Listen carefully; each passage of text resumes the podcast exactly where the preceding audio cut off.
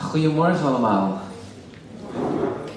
Het is zo'n uh, mooi, ontspannen en, hoe zeg je dat, uh, rustige, vredige atmosfeer. Vind je niet? Heerlijk. Helemaal tot rust. Dankjewel Glenn, dankjewel voor het leiden en aanbidding. Ja, het is fijn om jullie allemaal weer te zien. Bekende gezichten en ook nieuwe gezichten. Het is mooi om te zien wat uh, God in de gemeente doet. Dat horen we altijd met name bij de oudste. Super fijn om uh, langs zij te mogen wandelen.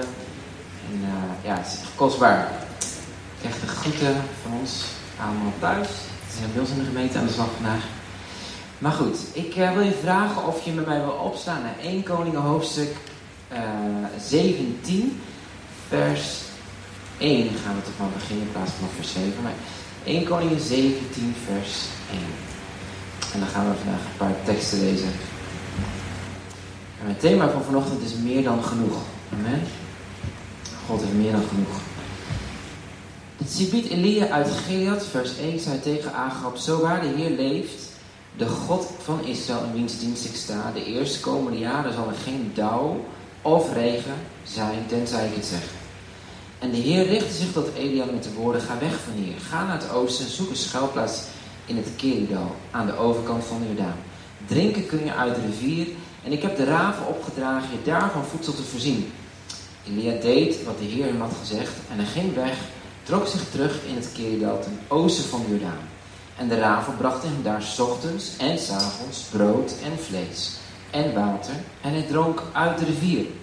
Maar doordat het alsmaar niet regende in het land, viel de rivier na verloop van tijd droog. En toen richtte de Heer zich tot Elia met de volgende woorden: Ga naar Serafat in de buurt van Sidon Neem daar je intrek. Ik heb een weduwe daar opgedragen je van voedsel te voorzien. En Elia ging op weg naar Sirafat. En toen hij bij de stadspoort aankwam, zag hij een weduwe die bezig was hout te sprokkelen. En hij riep haar en hij vroeg ze of ze een kommetje water voor hem wilde halen, zodat hij zijn dorst kon missen. En terwijl ze wegliep om water te halen, riep hij haar na of ze ook een stuk brood voor hem, uh, voor hem wilde meenemen. Zo waar de Heer, uw God, leeft, antwoordde zij, ik heb niets meer in voorraad. Alleen een handjevol meel in de pot en een restje olijfolie in mijn kruik. Kijk, ik heb net een paar takken geraapt om iets te eten te maken voor mij en mijn zoon. En als het op is, zullen we van de honger sterven. Maar Elia zei, maak u niet ongerust. Doe wat hij van plan was, maar bak van wat in, in uw huis is. Eerst iets voor mij en kom het dan me brengen. En daarna kunt u voor uzelf en uw zoon iets klaarmaken. Want dit zegt de Heer, de God van Israël. Tot op de dag dat ik de regen op de aarde zal laten vallen, zal er meel in de pot zijn. En, oliekaak, en de oliekaak zal niet leeg raken. De vrouw ging naar huis en deed wat Elia had gezegd. En ze hadden elke dag te eten. Zij, Elia en haar familie. Er was meel in de pot en de oliekruik raakte niet leeg. Zoals de Heer bij monden van Elia had beloofd. Tot zover. Heb je ooit wel eens in de ogen gekeken van iemand die hongerig is? Echt honger. Dan heb ik het niet over als mijn 17-jarige zoon hangry is, die dan na de dienst denkt van, oh ja, pap, naar huis, ik heb trek. Weet je, dat is anders dan honger. Echte honger. Ik herinner me nog een aantal jaar geleden was ik in Afrika. Dat was een van de eerste keer dat ik een zendingsreis mocht doen. En uh, we gingen naar een community toe met een kerk. Deze kerk, hun bus was gestolen. Uh, en op een dag uh, was die, vond een van de gemeenteleden de bus aan de zijkant van, van, de weg eigenlijk staan. En toen is hij uitgestapt en naar die bus gelopen. En toen ontdekte hij dat daar een soort verborgen sloppenwijk was. En tot zijn verbazing zaten meer dan 800 kinderen die daar in die stoppenwijk. Hij wist helemaal niet dat die community bestond. En veel van deze mensen die daar woonden, dat waren allemaal vluchtelingen uit andere landen van Afrika in Zuid-Afrika. En de kerk die ging naar binnen en die, ja, die was zo geraakt door wat ze zagen dat ze besloten om uh, daar een, een, soort voedselprogramma op te starten voor al die 800 kinderen. Deze kerk was dus heel groot, zo'n mannetje of 100, 120 denk ik, inclusief uh, kinderen. Maar ze besloten om voor die 800 kinderen twee tot drie keer in de week een maaltijd te voorzien. En um, vele van de kinderen, zo'n 80% kwamen ze achter, had HIV-AIDS. Je kan nagaan dat. Uh, um, oh ja, en dat heel veel van deze kinderen woonden bij een opa en oma. Uh, want papa en mama waren overleden. Dus het was een enorm schrijnende situatie. En de, kerk die, die, die was zo getroffen door de nood wat ze zagen. Dat ze daar dus begonnen te voedsel uit te delen en hulp te verlenen aan deze kinderen. En wij gingen als team gingen we mee. En dat was een van de eerste fasen. Wij waren een van de eerste teams die mee mochten om te helpen. En ik vind nog heel goed dat we daar aankwamen rijden. Het was echt een soort verborgen sloppenwijk achter een grote heuvel. Eh, of achter een heuvel. En we gingen naar beneden, steeds dieper het dal in. En op een gegeven moment stond je daar zo tussen alle sloppen. En op een gegeven moment stond een hele rij kinderen. En uh, er was zo'n ruim, nou, zo'n ruime rij met kinderen, 800 kinderen stonden te wachten op dat ze en een pakketje eten. We hadden allemaal lunchpakketjes meegenomen, dus we deelden toen eten uit. En uh, zo op een gegeven moment aan het einde van, van het uitdelen van, van, van, van de lunchpakketjes, toen op een gegeven moment um, um, voelde ik op een gegeven moment een tikken op mijn rug. En hier zo onderin. En die tikte op en ik draaide me om en ik zag niemand. En ik, keek naar beneden en, en, terwijl ik naar beneden keek, viel mijn oog op, op het hoofd van een kindje. En in zijn hoofd waren allemaal zweren. En in die zweren zaten allemaal vliegen. En eitjes en maden. En ik schrok me wat ik zag. En ik denk, wat, wat, wat, wat zie ik nou? Weet je, je gaat, dat, je gaat een beetje buiten jezelf staan in zo'n shockmoment. En terwijl ik dan naar beneden begon te kijken, ontdekte ik dat ik dat de jochie geen, geen had alleen een shirt aan, een rode shirt, helemaal gescheurd, geen onderbroek, niks. Het enige wat hij deed was dit. En, en ik, moest, ik, ik, was alleen maar gebiologeerd door de hoofd. En ik, ik, moet naar, ik, moet, ik moet naar beneden, want ik moet zijn ogen zien. Dus ik knielde naar beneden en hij deed alleen maar, heb je dit? Hij sprak verder niks, hij deed alleen maar dit. En, en ik dacht, joh, we hebben er niks mee over. Wat moet ik nou geven? En ik herinner me nog dat ik een lunchpakketje voor mezelf had gesmeerd. Dus ik pakte mijn backpack en ik gaf mijn lunchpakketje aan hem. En terwijl hij dat van me aannam, pakte hij en rende hij weg. Ik denk, ja, maar waar ga je nu heen? Dus ik achter hem aan door de Stoppenwijk. Maar werd ik al nageroepen, je mag niet verder lopen. Het is veel te gevaarlijk, veel te gevaarlijk. Maar ik denk, waar gaat dat jochie naartoe? En dat jochie was zo denk ik 4, 5 jaar oud. En hij rende zo weg. En op een gegeven moment, ik achter hem aan. Maar op een gegeven moment kon ik hem niet meer vinden. Dus ik dacht, ja, ik kan wel veel dieper dat dal in. Maar dat is niet slim. Dus ik ben toen teruggelopen. En terwijl ik terugliep, toen viel mijn oog op iets roods. Althans, in mijn hoek zag ik iets roods. En ik draai me om. En ik zie dat jochie zitten op een soort bankje voor zijn zo'n zo houten, ja, met plastic bedekte huisjes. Ah, huisje, het was, een, het was, een, was een schuurtje. En hij zat daar en, en, en er zat een, hij zat op een bankje en hij deelde zijn brood met zijn zusje die nog geen twee jaar oud was. En ik kwam erachter dat daar, dat zijn oma die paste op hun, maar zijn oma die werkte in de binnenstad. En dat was twee uur rijden met de taxi heen en weer. En hij was de hele dag alleen thuis. Honger. Honger is heftig. Als je aan honger denkt, dan gaat het veel verder dan de, de, de, het verlangen naar voedsel. Snap je hem? Honger is een multidimensionaal iets. Als je aan honger denkt, dan denk je eigenlijk aan drie dingen. Je, een mens kan de fysieke honger hebben naar voeding, naar eten. Maar er is ook een emotionele dimensie. Mensen hongeren naar gekend te zijn, geliefd te zijn, verbonden te zijn. En de grap is, dat vinden we zo vaak op het moment dat wij een maaltijd met elkaar delen. Als we met elkaar als gemeente samen een maaltijd delen, dan voel je verbondenheid onder elkaar. Met oud en nieuw of met kerst, dan heb je een speciale maaltijd. Want dan deel je dat, want je deelt liefde met elkaar. En je verbondenheid ervaar je door het eten en drinken met elkaar. Zo bijzonder hoe dat gaat. Die fysieke en emotionele behoeften aan elkaar gekoppeld. Maar, maar de Bijbel leert ons ook nog een geestelijke dimensie. Namelijk de honger naar de aanwezigheid van God. En, en, de verlangen van de mens naar een spirituele vervulling.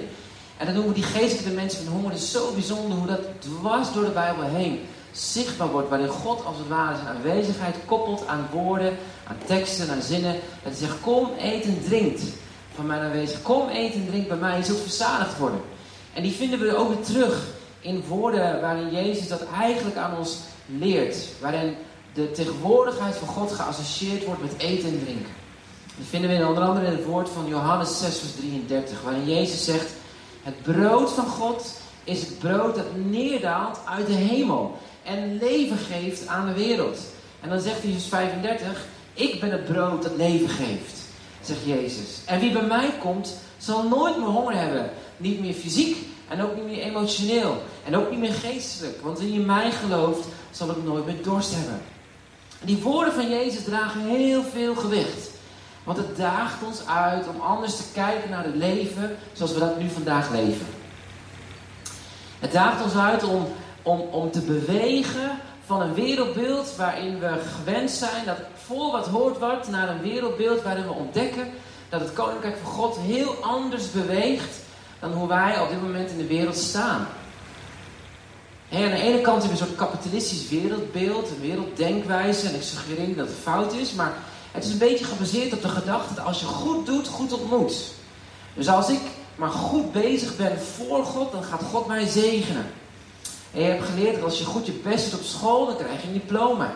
En als je een diploma hebt, dan kan je een goede baan krijgen. En in een wereld waar alles maar goed gaat, dan heb je een goede baan, krijg je een mooi huis. En dan heb je ook een, eh, eh goed, goed inkomen. Maar ook weet als er dan iets gebeurt in je leven wat niet helemaal klopt volgens deze theorie, dan heb je toch of iets fout gedaan, of, of, of er is iets gebeurd, wat je, misschien heb je wel een geheime zonde, want goed ontmoet, goed, ja, goed doet, goed ontmoet. En als je slecht doet, slecht ontmoet. En als je slecht doet, ja, dan heb je ook straf verdiend. En deze, deze manier van denken komt zo anders dan Gods koninkrijk. Jezus gelooft niet in dit manier van denken. Sterker nog, hij is er eigenlijk tegen. En, en, en hij zegt eigenlijk joh, waar, waar het heel logisch is dat wij welvaart verlangen en, en het verzamelen van, van welvaart, het, krijgen waar je recht op hebt, uh, dat het eigenlijk helemaal niet eerlijk is. Dat, want het ligt maar net aan waar je wiegje is gezet. Want er zijn zoveel mensen die helemaal dat niet hebben wat wij hebben. De Heer Jezus gelooft niet in het systeem. In zijn woorden spreekt hij namelijk over een ander denken. Hij zegt, joh, besef je dat je gegeven bent zonder dat je het verdiend hebt. Besef je dat je hebt ontvangen van mij zonder dat je ervoor gewerkt hebt. Dat noemen we genade. En hij zegt, mijn koninkrijk is een koninkrijk van waar je ontvangt en waar ik verlang dat je weer doorgeeft. Door me geven wat je hebt ontvangen. Om anderen te zegenen met datgene waar ik jou mee zegen. Dus daar waar de wereld zich gaat leiden door schaarste, door te sparen, door te verdienen. Zorg dat je pas zonnepaneeltjes op het dak hebt, want dan hou je weer geld over. Beweegt Gods koninkrijk op een hele andere manier. Gods koninkrijk beweegt door middel van genade. Door verbondenheid, gemeenschap, vrijgevigheid. Want als je beseft dat Jezus het brood is des levens, dan weet je één ding. Dat in het minste wat je hebt, je altijd rijk bent. Ook al heb je niks, je bent altijd. Er is meer dan genoeg. Nou, dit, dit, dit, dit, dit voorbeeld waar we over hebben, vinden we terug in het Bijbelverhaal in Koning 17. De regio is hier getroffen door een hongersnood. En de man God, Elia, die wordt uitgedaagd door God. Een interessant verhaal. Deze man die leeft al jaren voor God, heeft wonderen en tekenen gezien. En God daagt hem uit om naar een dal te gaan en daar bij de beek daar te zitten. En dan wordt hij gevoed boven natuurlijk door raven en, en brood wordt gebracht. Prachtig verhaal. Ontzettend mooi. En wat we lezen daar is dat Elia op een gegeven moment daar zat en de beek droogde op. En vervolgens zegt God, joh, het is tijd dat je weggaat uit het dal, uit en, en ga naar Serafat. Nou, Serafat was een gebied waar de ongelovige mensen woonden. En dat is een beetje vreemd, want waarom zou een gelovige, een Jood, gaan naar een plek waar een ongelovige was? Dat is een make sens. Er waren ook andere mensen in het land waar je naartoe kon gaan. Maar God zegt, nee, ik wil dat je van de beek weggaat. En ik wil dat je naar die ongelovige, dat gebied van de ongelovige mensen gaat. En daar heb ik een weduwe voor jou waar jij naartoe moet. En er komt dan bij die weduwe, en we weten niet heel veel van het verhaal van deze vrouw af. Het enige dat ze dus weduwe is. En kennelijk was ze nog in de rouw, want hij herkende haar als weduwe. En we zien dat zij daar alleen was. En op een gegeven moment komt dat gesprek op gang. En Elia ontdekt dan dat deze weduwe tot, tot eigenlijk bezig is met de laatste maaltijd.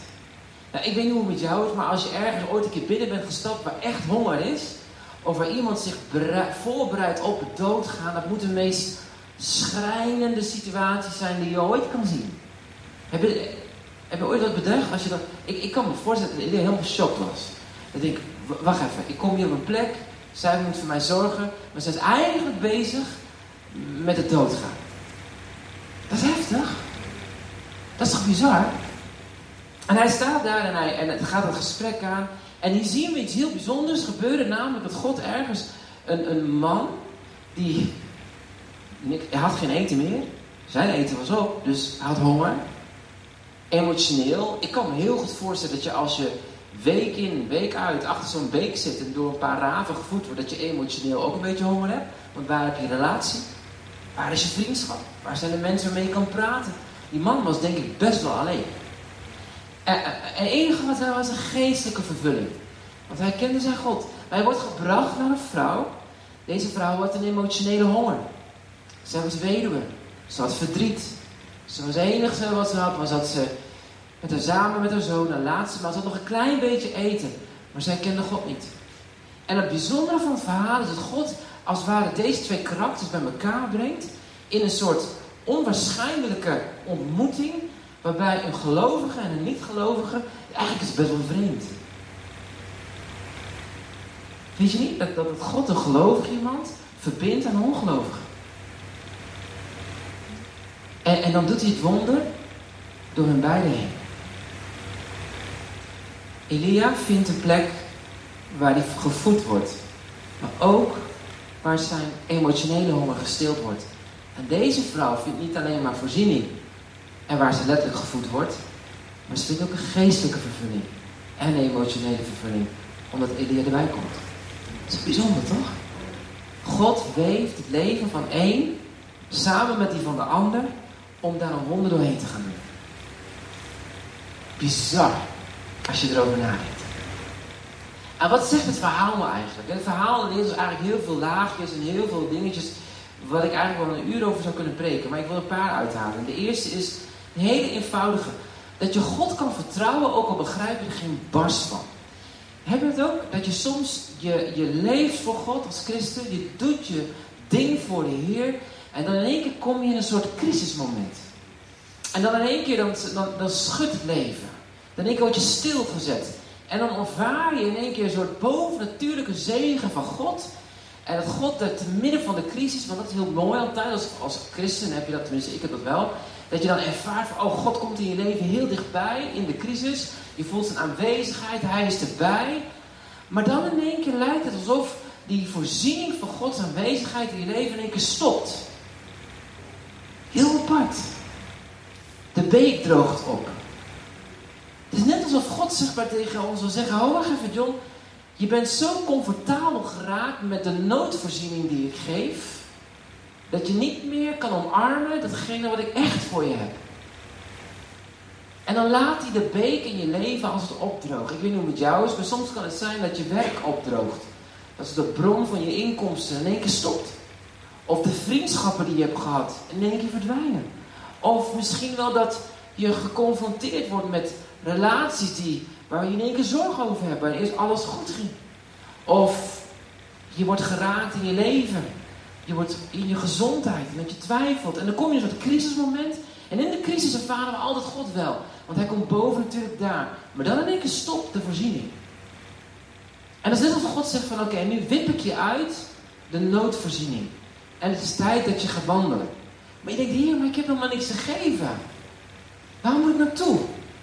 Wat moet ik doen? En dan het bizarre is dat God dan ook nog eens je uitdaagt om te gaan bewegen vanuit een wereldbeeld waarbij je zegt, oh ja, dit is een noodvoorziening, naar in vertrouwen dat God altijd genoeg heeft voor elk seizoen, elke fase, weer, ook al is de realiteit waar je in zit, totaal niet veranderd. De hongersnood was niet weg.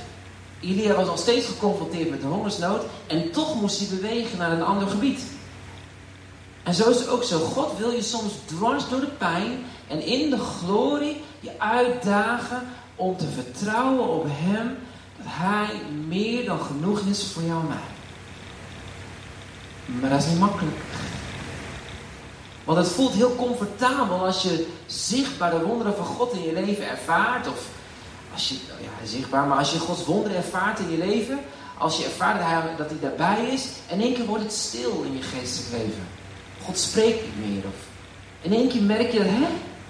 Ik dacht dat ik heel dicht bij God was. Ja, maar dat was eigenlijk Gods noodvoorziening is niet het beste voor je. God wil je bewegen. God wil je eruit sturen. En de noodvoorziening is maar noodvoorziening. De raaf was niet Gods beste plan.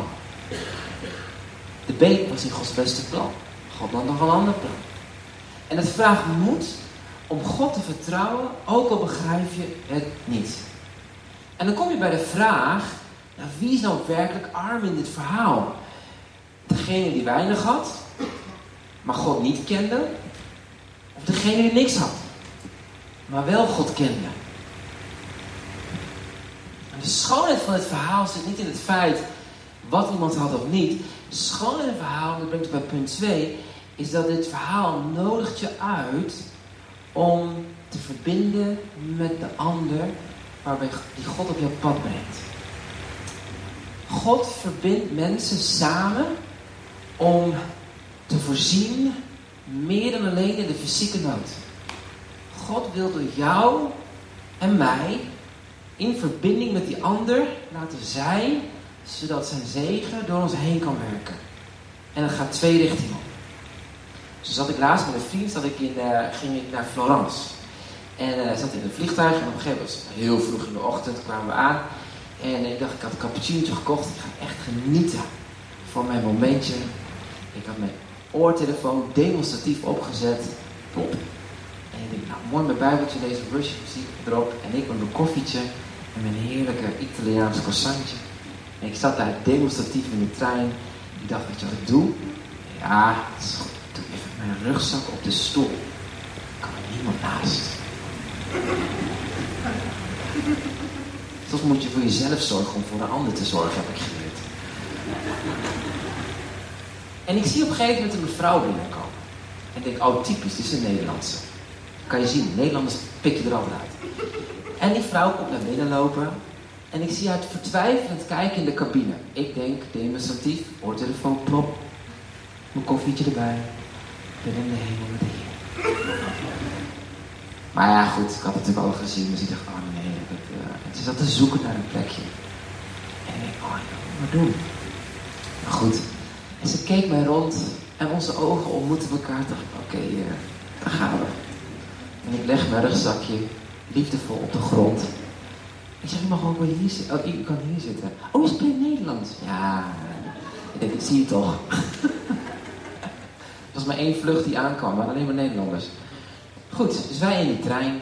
En we denderen zo op het, op het spoor richting Florence. En mijn vriend tegenover mij. Die vrouw naast me, een beetje onwennig naast me. En ik mijn koffie met mijn cappuccinootje te eten. En op een gegeven moment zegt ze, oh, is dit de eerste keer dat je naar Florence gaat? Ik zeg, ja, ja, klopt. We gaan voor het eerst naar Florence. Ik ben wel benieuwd. Mijn eerste keer. En is het ook de eerste keer? Nee, nee, nee, nee, nee, nee, nee. Wij gingen altijd wel vaker naar Florence toe. Maar ik ga mijn dochter opzoeken. Ik zeg, oh, wat leuk. Ik zeg, wat tof. En je dochter, wat doet hij hier dan? Ja, die zit in, de, in, de, toerisme. Die zit hier wat langer. Maar het is de eerste keer dat ik hier reis. Ik zeg, oh. Ik zeg, uh, ho, ho, ho, hoezo? Ja, het is de eerste keer, zegt ze. Eigenlijk is de eerste keer dat ik alleen reis. Ik zeg, oh. En toen dacht ik, oké, hier komt het. Dus ik, dan moet je altijd, dat is, dat als, als iets drop is dat, dan moet je even een gouden tip voor evangelisatie. Zeg, vertel eens meer. ik zeg, oh, vertel eens meer. Hm. En zij, zij zegt op een gegeven moment, en ze begint te huilen. Ze zegt, ja, het is de eerste keer dat ik alleen reis, want mijn man is een jaar geleden overleden. En ik vind het eigenlijk best wel spannend. Ik oh. En ik dacht, oké. Ondertussen dat ik met God te schakelen. Ik zeg, oké. Het is wel heel vroeg. En, en, en, en, en op een gegeven moment zeg ik zeg maar, oh, ik zeg, heftige tijd zeg, heftig. En ik ben nu voor het eerst aan de reis. Ja, oh, dat vind ik echt moedig van je. Ja, ik weet ook niet zo goed hoor, ik vind het heel spannend allemaal. Ik zeg, nou, ik vind echt, ik zeg, waar haal je de moed vandaan? Nou, zegt ze, zo stil en op een gegeven moment zei ze, ja, ja, ik, ik geloof wel een beetje. Ik zeg, oh. Ik zeg, hoezo? Ik denk, voordat ik nou gelijk met de evangelie erin ram, maak ik even rustig aan. Ik zeg, hoezo dan? Ja, zegt ze, ik geloof wel een beetje, ik ga wel eens naar de kerk. Maar ja, toen ik getrouwd was, heb ik de kerk losgelaten. En nu, ja, ik geloof wel, dus af en toe bid ik wel en ik, daar haal ik mijn krachten uit, mijn geloof. Ik zeg, oh, wat mooi. Ik zeg, wat gaaf. Ja, vind je het mooi? Ik zeg, ja, vind ik prachtig. En ze zegt mij van, en, uh, of we begonnen een verhaal verder te delen. Op een gegeven moment zegt hij, weet je wat zo gaaf, gaaf is? Ik zeg, God is zo intiem betrokken bij jouw leven, hè? En ze keek mij gedaan. Vol, poef, ik kom die woorden van, uh, ik zeg, weet je wat nou zo bijzonder is? Die zitten hier samen met twee broeders van jou. En ze begon nog harder te huilen. Echt? Ik zeg, ja, je bent niet alleen. God is hierbij.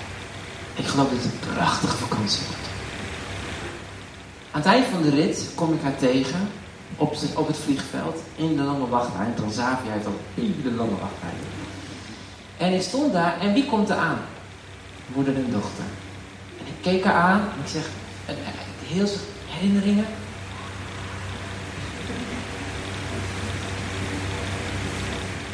Soms wil God je leven verbinden met mensen waar je niet snapt waarom. Ik heb echt rare dingen. Ik was op een sportschool. Bro, zou ik echt super leuk vinden. Zij daar een beetje te liften. Eer van de fan, 23 jaar oud, kwam naar me toe. Zulke schouders. Dus ik denk, nou, daar voel ik me wel erg uh, juppie bij. Maar goed, hij komt aanlopen altijd met zo'n dingen. Op een gegeven moment, uh, dus af en een keer hooi gezegd. En dit keer komt hij aanlopen en terwijl ik zo bezig ben met mijn benen. Drama als je benen moet doen. Maar goed, ik zat dan met mijn benen bezig en hij kijkt, oh, geen goed met je been. Ik zei, nou, niet helemaal. Ik zei, hoe met jou? Ja, niet goed. Ik zei, oh. Ik zei, wat dan? Ja, mijn moeder is overleden. Ik wat? Ja, ah, ze was een krachtvrouw. Gewoon doorgaan. Moet positief denken. Oh, stop, stop, stop, stop, stop. Ik zeg, je vertelt nu eventjes in één zin dat je moeder is overleden. Ik zeg, wanneer is ze overleden? Ja, vorige week. En dan begint helemaal emotioneel te worden. Dus ik stop gelukkig van het benenapparaat weg. Maar ik denk, dat hou ik niet vol. En ik zeg zo, maar vertel even meer. En, terwijl hij zo'n verhaal aan het is, vertelt hij zijn hele pijn en verdriet. Hij zei, ik ben alleen. Ik heb geen vader. Het is nu spannend of ik in huis mag blijven of. Ik heb een bewindvoerder gekregen. En een jongen was wat, wat, wat eenvoudig. Hij zo mijn hart. Ik zeg, maar waar haal jij kracht vandaan? Hij zei, ja, positief denken. Ik zeg, maar mag ik ook voor je bidden? Ja, dat vind ik wel fijn als je dat voor me doet. Want soms weet ik niet wat ik moet doen. Ik heb niet voor moeten aangebeden in de sportschool. Dat denk ik dat we gestopt te ver. Maar God wil je leven verbinden met mensen. Juist wanneer hij jou beweegt. Vanuit datgene wat je comfortabel vindt. Naar de plek waar je ook in geloof moet worden. Snap je dat? De grap is. Als je vraagt wie was nou werkelijk arm en wie was nou rijk. Het gaat niet zozeer om wat je hebt, maar het gaat om het feit met wie je aan het wandelen bent. Wie is het die met je meewandelt? God nodigt ons uit om ons te verbinden met anderen, ook al snappen we er niks van. Zelfs wanneer het de ongelovige is. En de grap is dat soms God door de ongelovige heen jouw leven wil aanraken op zo'n manier dat je bespeurt de liefde en de, en de gunst van God door de ander naar je toe laten komen. Het is niet altijd dat als christen het antwoord weten. En de grap is dat God soms een ongelovige wil gebruiken om te voorzien in jouw nood. In jouw behoefte. En soms gebruikt hij ook christen. Maar je moet zo oppassen dat je niet het cadeau van God, wat hij naar je wil geven, weggooit, omdat je de verpakking niet helemaal aanstaat. En dit herinnert ons dat God ons uitdaagt. Niet alleen maar te verbinden, maar ook in die verbinding, en dan komt het het mooiste, is dat je leert te delen. Te delen. De grootste les die ik zag toen ik het jongetje van vijf zag, op het bankje, met zijn verscheurde shirtje, met het enige broodje wat ik aan hem gaf, was dat hij deelde weer door. Met zijn zusje. Grote liefde ontvangen maakt dat je een vrijgevig hart hebt. Ik heb gezien dat mensen die heel weinig hebben, vaak het meest geven. Ik heb ervaren dat wanneer je de liefde van Jezus er, hebt ervaren in je leven, ook al heb je dan niet veel, Maar dat wat je geeft, is zo rijk. Ik was in een gemeente, ehm, drie maanden terug in februari, was ik in Bangladesh. En ik liep daar samen met een stel voorgangers. En we komen bij een gemeente niet heel groter dan Leefzutphen. En deze gemeente heeft een kerk op een berg. Heel bijzonder verhaal. Zij hebben een berg. Je moet voorstellen, het zijn de grootste theeplantages. Dus waar onze thee kopen, wordt daar geplukt. Die mensen in de theeplantage verdienen nog geen 80 cent per dag voor 8 uur werk theeplukken in de hitte van de zon. En het zijn voornamelijk hindoes. En er is een christenstam. En die stam die mag ook op een berg wonen. Een van de zeven bergen in de plantage. Maar zij mogen geen thee plukken. Nee, omdat ze christen zijn en niet geregistreerd zijn, mogen ze niet werken in de plantage. Maar het enige wat ze mogen doen, is uh, rubber van de boom halen en een ander blad plukken van een boom. En daar verdienen ze 50 cent mee per dag. 50 cent. Maar op die berg waar die christelijke stam woont, hebben ze een kerk gebouwd. En hun hart was om zoveel mogelijk van de hindoe mensen te zegenen en, en, en voor te zijn. En ze zijn een programma gestart om zwangere moeders te helpen, omdat er heel veel van hun kindsterfte hadden, omdat ze verkeerd met hun lichaam omgingen, verkeerde dingen aten. Ze hebben uh, op een gegeven moment een programma gestart om meer dan 350 van die hindoe kinderen op te vangen, scholing te geven, onderwijs te geven, gezondheidszorg te geven, te zorgen dat de kinderen weer een baan konden krijgen. Echt machtig om te zien. En terwijl ik daar zo liep in die plantages, allemaal van die gasten van 20, 21 van de jeugd, weet je, ja, hij is hindoe, maar is also Christian. Met andere woorden, hij komt van hindoe afkomst en is tot geloof gekomen. En nu is hij jeugdleider geworden, of de ene was dan weer uh, een social worker, de andere was een healthcare medewerker. Het was een bijzondere community boven op die berg die uitreikte naar die mensen. Dus ik vroeg aan die dominee, was een oudere man, had uh, niet zo heel veel, had een, een motortje met zo'n zo'n eierhelmpje op. heel schattig. En hij reed dan rond in de plantage op zijn motortje om overal bijbelstudies te doen.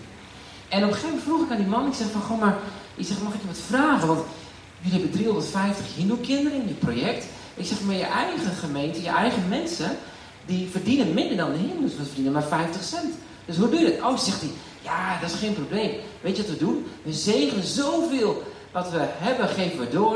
En ach ja, we zijn ook begonnen, begonnen met een project onder, de, onder, de, onder onze eigen kinderen. Ik zeg, hoeveel vang je daarmee op dan? Ja, zo'n 200, 250 kinderen doen we nog eens ernaast. Ik zeg, wow, dus 500, bijna 500, 600 kinderen doe je. Ja, ja, ja. Ik zeg, hoe betaal je dat dan als kerk? Dat is typisch Nederlandse vraag. En ik begon me aan te kijken zo.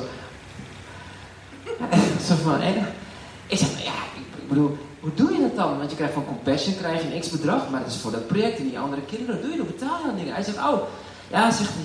John, hij zegt, als je als leider staat, hij zegt, dan, dan moet je één ding omarmen, namelijk tranen. Omarm de tranen, zegt hij tegen mij. Omarm de... Ja, zegt als je hart gebroken wordt, over wat God op je pad brengt, en je hart is zacht, dan, dan kan je niet anders dan bewegen vanuit compassie. En ik zei, oh, oké. Ik zeg, maar hoe doe je het dan? Hij zei, ja, nou, weet je wat wij doen als kerk? Wij geven al onze loon, doen we in één grote pot. Ik zei, oké. En vervolgens betalen we alles wat nodig is voor onze mensen. En voor alle programma's, al wat we doen, betalen we alles wat nodig is. Alle kosten worden eerst betaald voor het programma, voor de kinderen, voor de ouders, voor de gezonde kliniek. Alles wordt betaald vanuit die pot. En dat wat er over is, dat delen wij. En dat is meer dan genoeg. Mijn mond viel open. Ik zeg, wacht even, stop. Ik zeg, zeg je dat nou echt? Hij zegt, kan je nog één keer herhalen? Hij zegt, kijk me een beetje vreemd aan, ik ben een Hollander. Ik zeg, joh, nog één keer? Dus jullie betalen... Hij zegt, nee, al onze salarissen gaan in één pot. We houden niks van onszelf. Iedereen deelt wat we hebben. En dan betalen we alle kosten mee. En dan hebben we genoeg over. En de rest is voor onszelf. En we hebben altijd genoeg. Ik was zo dom als wat. Ik zei nog, nog één keer. En hij kijkt me echt. Je hebt me wel gehoord. Alles wat we hebben doen in pot. En dan betalen we alles wat nodig is. En wat over is, is voor ons meer dan genoeg. En dan gaat je hoofd. Dit is nummer 4.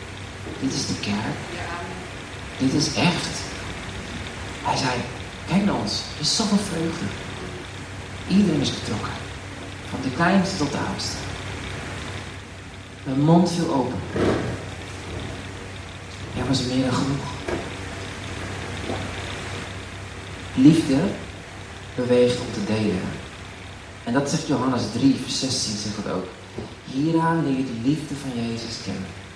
Dat Hij voor ons zijn leven gegeven heeft. En daarvoor mogen we onze broeders het leven geven. Wie dan goederen van de wereld heeft, maar zijn broer of zus gebrek ziet lijden. Dus maar mijn, mijn hart voor hem of daar toesluit. Hoe kan de liefde van God in je zijn? Ik, ik vind dat zo heftig tekst. Hoe kan de liefde van God in je zijn als je hart toesluit? En misschien is dat de meest harde waarheid. Dat als je geen bewogenheid hebt, geen compassie hebt met die andere in nood. Hoe kan de liefde van God dan in je zijn? God nodigt je uit. Allereerst vertrouw op Hem. Dat Hij meer dan genoeg is voor jou in alle fases van je leven. Ook wanneer de beek opdroogt. En je eigenlijk door de noodvoorziening heen moet wandelen naar een plek toe waar het onwaarschijnlijk lijkt dat God je daar zou kunnen zegenen. God is een God die te vertrouwen is. En God wil je bewegen zodat je gaat verbinden met de ander. En in die verbinding dat je gaat delen met de ander. Vandaag, deze wereld staat in een megacrisis. En wat gebeurt er de oorlog in Oekraïne en wat de nawegen van corona, klimaatveranderingen. Vandaag ontvouwt zich een mega cocktail aan, aan heftigheid in deze wereld. Met Compassion horen we dat meer dan 830 miljoen mensen op dit moment lijden aan extreme honger. En dan heb ik het niet over honger, waar wij hangry van zijn, maar echt extreme honger. En schrik niet, meer dan 8000 kinderen sterven per dag aan de gevolgen van geen eten. Meer dan 8000 kinderen per dag. De prijzen die vertel je van Bangladesh, zijn in, in, in, in twee maanden tijd met 50% gestegen. Terwijl het loon naar beneden, een potje linzen kostte daar ongeveer zo'n 4,50 euro voor 500 gram linzen.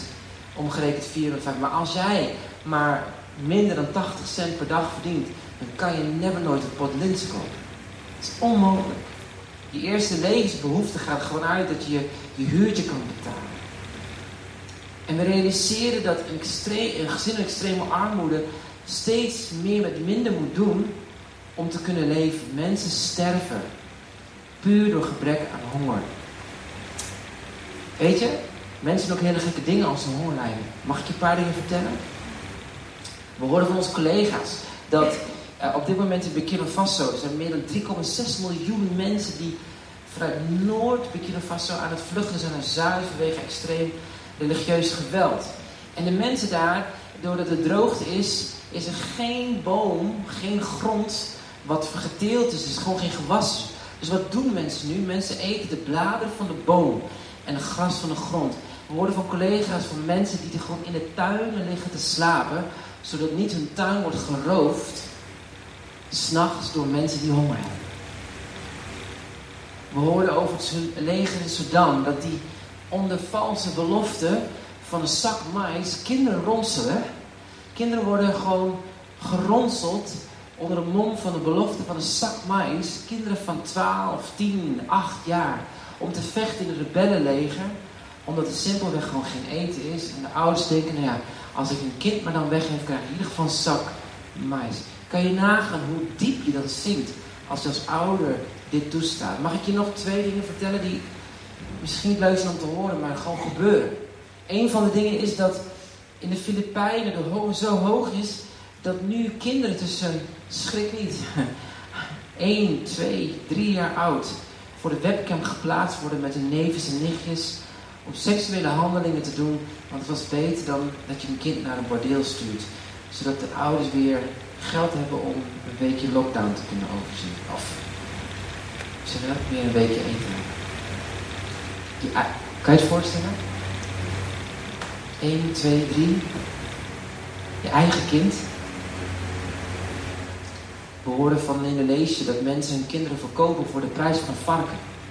Een varken is omgerekend 65 euro.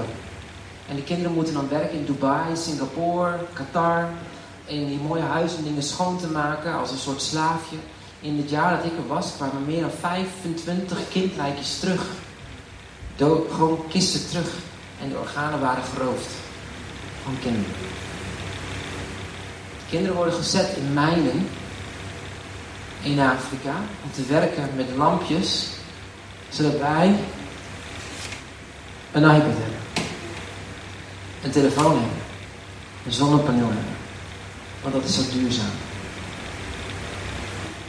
De uitbuiting ten gevolge van deze hongercrisis is dat is gigantisch. En het gevolg is dat er zoveel vluchtelingen zijn.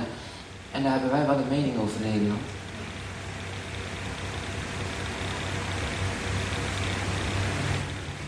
Bijbel zegt heel simpel dat als je God kent, dan betekent dat je de, dat je de, de armen, de onderdrukte, dat je opstaat voor hen die geen stem hebben. Dat je de zaak verdedigt van de armen, de onderdrukte. Want als je terugkijkt op je leven en je leven, de waarde van je leven gaat bepalen, lieve mensen, dan ga je niet denken hoe vaak ben ik naar een conferentie geweest, hoe groot was mijn auto, hoe, hoe, hoe, hoeveel heb ik op mijn bank staan, welke vakantie ben ik geweest, welke kleding heb ik gedragen. Als je de waarde van je leven gaat bepalen, als je terugkijkt op je leven en je gaat de lijst langs, dan ga je nadenken, waar heb ik iemand kunnen helpen? Hoe heb ik iemands leven net iets mooi kunnen maken? Hoe heb ik een ander tot zegen kunnen zijn?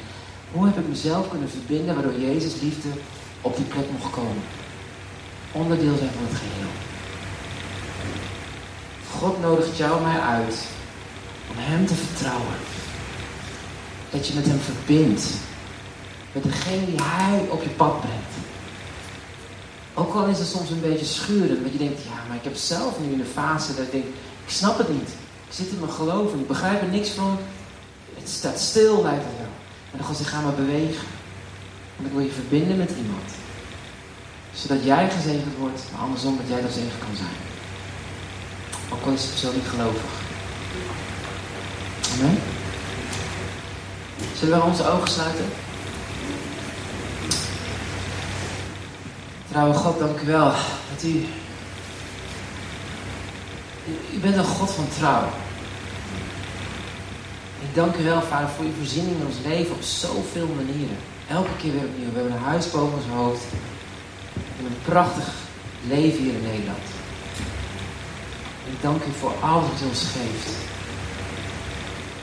Maar ik wil u danken, Heer, dat u ons ook als gemeente uitdaagt om anders te gaan denken. Met datgene wat u ons hebt toevertrouwd. Zodat wij ruimhartiger worden. En begrijpen, Heer, dat als we uw liefde hebben ontvangen, dan kunnen we ons hart niet meer toesluiten. Maar dan mogen we gaan bewegen. In verbinding met degene die u op ons pad brengt. Al is het maar voor eventjes. Zo'n momentje in de trein.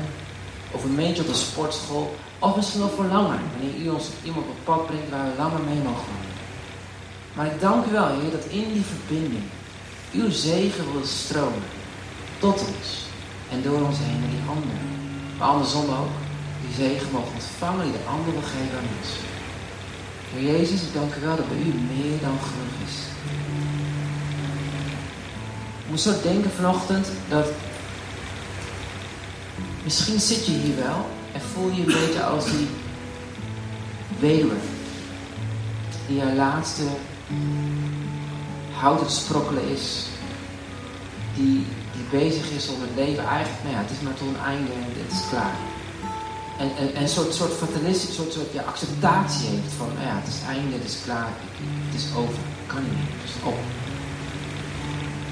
En ik moet, ik moet echt denken dat God eigenlijk tegen een aantal van ons je, je, bent zo comfortabel geraakt met de noodvoorziening die ik gaf. En nu ik op een punt dat alles opdroogt. En nou, het is maar goed, het is klaar zo. Maar God zegt, nee, ik ben een God van overvloed. En ik wil eigenlijk je brengen in een nieuwe dimensie van mijn aanwezigheid. God wil je als het ware brengen naar een next level. Een nieuw seizoen. En een seizoen is niet per se een seizoen waar je, nou ja, wij spreken alle, ja, we zeggen altijd een good feeling. Het nieuwe seizoen is een seizoen dichter aan het hart van elkaar. En in het nieuwe seizoen is een seizoen waarin je wetenschap is dat mijn God is er altijd. Ook zie ik het niet, ook voel ik het niet, ook al begrijp ik het niet, ook al snap ik het niet. Ook als de tijd niet verandert, maar diep, diep, diep, diep, diep van. Ik ben oké. Hij is erbij. En ik had die hele God tegen jou zeggen. Zo mijn dochter. In het seizoen waar je zit. Het enige wat ik je vraag. Is het laatste beetje olie. Wat je hebt. Om dat aan mij te geven. Het laatste beetje hoop wat je hebt. Geef maar aan mij. Het laatste beetje waar je zegt. Ja maar kan niet meer. Ik moet vast wel anders op. God zegt geef maar aan mij. Ik moest denken aan die vrouw die bij Jezus kwam. En haar ogen uitgoten op Jezus. En zijn voeten waste. Waardoor zij genezing vond. En herstel vond bij Jezus. En God zegt eigenlijk dat wat je kostbaar is, mijn zoon en dochter. Geef dat aan mij. Daar waar je over wakker ligt, geef het aan mij. Daar waar schuurt, geef het maar aan mij. En Heer, als ik los naar wat er gebeurt, dan zeg geef